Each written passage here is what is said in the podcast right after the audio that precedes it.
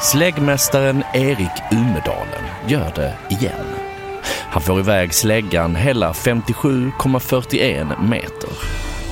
Nytt svenskt rekord och publiken på idrottsarenan Örnsro i Örebro är vild av glädje. Rekordhållaren Umedalen springer ärevarv och får skriva autografer för brinnande livet. Året är 1947 och Erik Umedalen är i sitt livs form. Hans framgångar i slägga är makalösa. Efter att ha slagit igenom för bara några år sedan, 40 år fyllda, med internationellt gångbara 56,98 meter tycks Erik Umedalen nu omöjlig att stoppa. Hur bär han sig åt? Det är något nästan övernaturligt med Erik Umedalens ständiga resultatförbättringar. Det är nästan som man inte tror att det är sant. Och det är det inte heller. Erik Umedalen är en av den svenska idrottshistoriens största och värsta fuskare. Men det vet inte publiken på Örnsro den här julidagen 1947. Och ingen annan heller.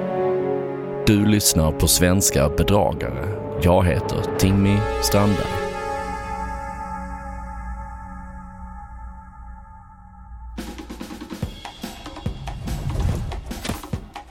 Slägga är, för den som inte vet det, en liten udda gren inom friidrotten där det gäller att få iväg en metallkula så långt som möjligt. Kulan som för herrarnas del väger 7,26 kilo är fäst vid ett handtag med en stålvajer och kastas med rotation. Man står alltså i en bur och snurrar runt, runt, runt, runt och slungar iväg kulan i precis rätt ögonblick. Det här ställer stora krav på tekniken, men också på rätt fysik. Erik Umedalen är bara 1,70 lång och med sina 86 kilo knappast idealiskt byggd för sporten, men otroligt passionerad och envis. Erik Umedalen jobbar som sjukvårdare i Umeå under de kalla krigsvintrarna står han uppe i den dragiga sjukhusvinden och övar svängar. Och övar och övar och övar. Genombrottet sker 1944 under rätt speciella omständigheter. Ute i världen rasar krig och kaos. Medan den internationella konkurrensen förblöder ute i kriget slår Erik Umedalen inte bara svensk rekord utan blir också Europa-etta. Att sätta rekord under de här förhållandena är något helt nytt och runt Erik Umedalen bildas en atmosfär av mystik. Alla är förbryllade.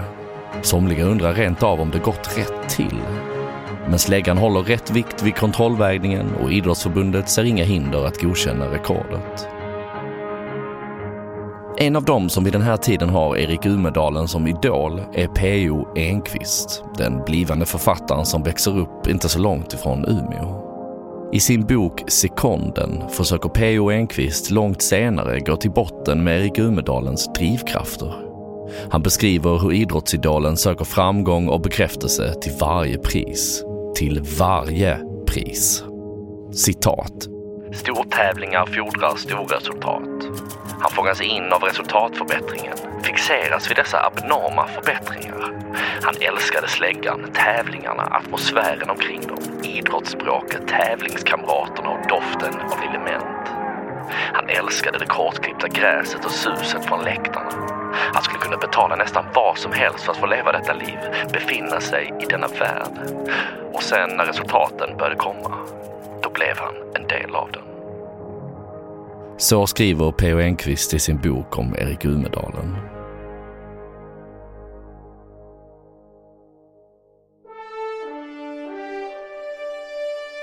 Tillbaka till den där julidagen på idrottsplatsen Örnsro utanför Örebro. Det är inte alltid så noga med formaliteterna kring toppidrotten på den här tiden. Allt har fortfarande en amatörmässig prägel. På själva arenan saknar man nämligen våg. Så inför tävlingen väger Erik Umedalen själv in sin blyslägga på en Konsumbutik i närheten. Och sen tar han med sig ett intyg från butikschefen till tävlingsledningen att visa upp.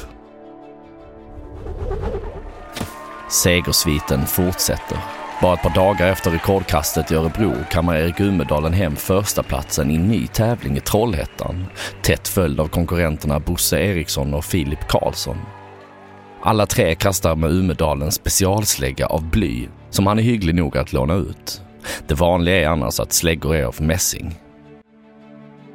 Men återigen är det något mystiskt med det hela. Speciellt är det den hittills relativt obemärkte Filip Karlssons plötsliga resultatförbättring som förvånar publik och experter. Vad är det egentligen som händer inom släggsporten?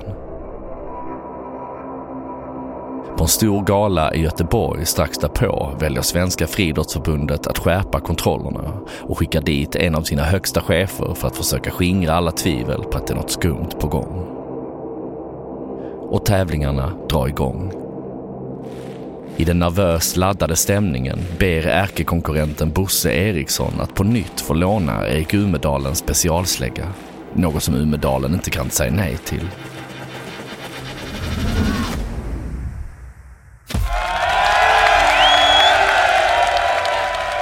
Och Eriksson får iväg ett superkast, vinner tävlingen och slår nytt rekord med sensationella 58,57. Snudd på nytt världsrekord. Men det är nu bubblan spricker. Vid kontrollvägningen efteråt visade sig att Erik Umedalens slägga, den som Bosse Eriksson alltså lånat och i sin oskuld slagit rekord med, väger nästan ett halvt kilo mindre än vad reglerna säger. Samtidigt försäkrar flera vittnen att Umedalens blyslägga faktiskt höll rätt vikt i kontrollvägningen före tävlingen. Hur hänger det här ihop? Svaret får man inne i omklädningsrummen. En göteborgsk sportjournalist vid namn Lennart Krusner tar sig friheten att undersöka kläderna som hänger på krokarna. Där, instucken i Erik Umedalens byxor, hittar han en vitlackerad slägga som någon uppenbarligen försökt gömma undan. Det visar sig att den lättare fusksläggan som används i tävlingarna fått ytterhöljet avslipat så det är uppåt centimetern tunnare än det på en vanlig slägga. Umedalen har sedan kopierat slipmärkena på den med korrekt vikt. Släggorna ser alltså identiskt likadana ut. Avslöjandet skakar den svenska idrottsvärlden i grunden. Många har svårt att se den hygglige och godmodige Erik Umedalen i rollen som fuskare. Men domen från Idrottsförbundet blir stenhård.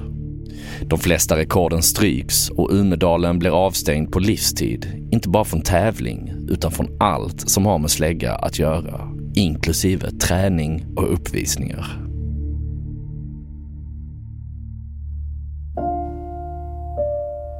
Fallet blir hårt. Släggskandalen tvingar Erik Umedalen att byta både liv och efternamn. Under namnet Myrskog flyr han med familjen först till Hälsingland och sen till en liten by utanför Östersund. Med tiden blir han en uppskattad hästuppfödare, travtränare och kusk. Stortävlingar fordrar storresultat.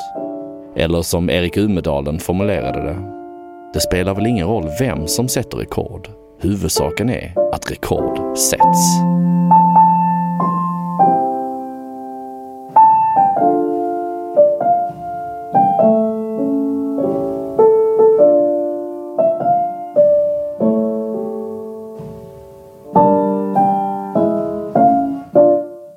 Du har lyssnat på Svenska bedragare, en exklusiv podmi produktion Manus och research av Fredrik Kullberg och producerad av mig, Timmy Strandberg.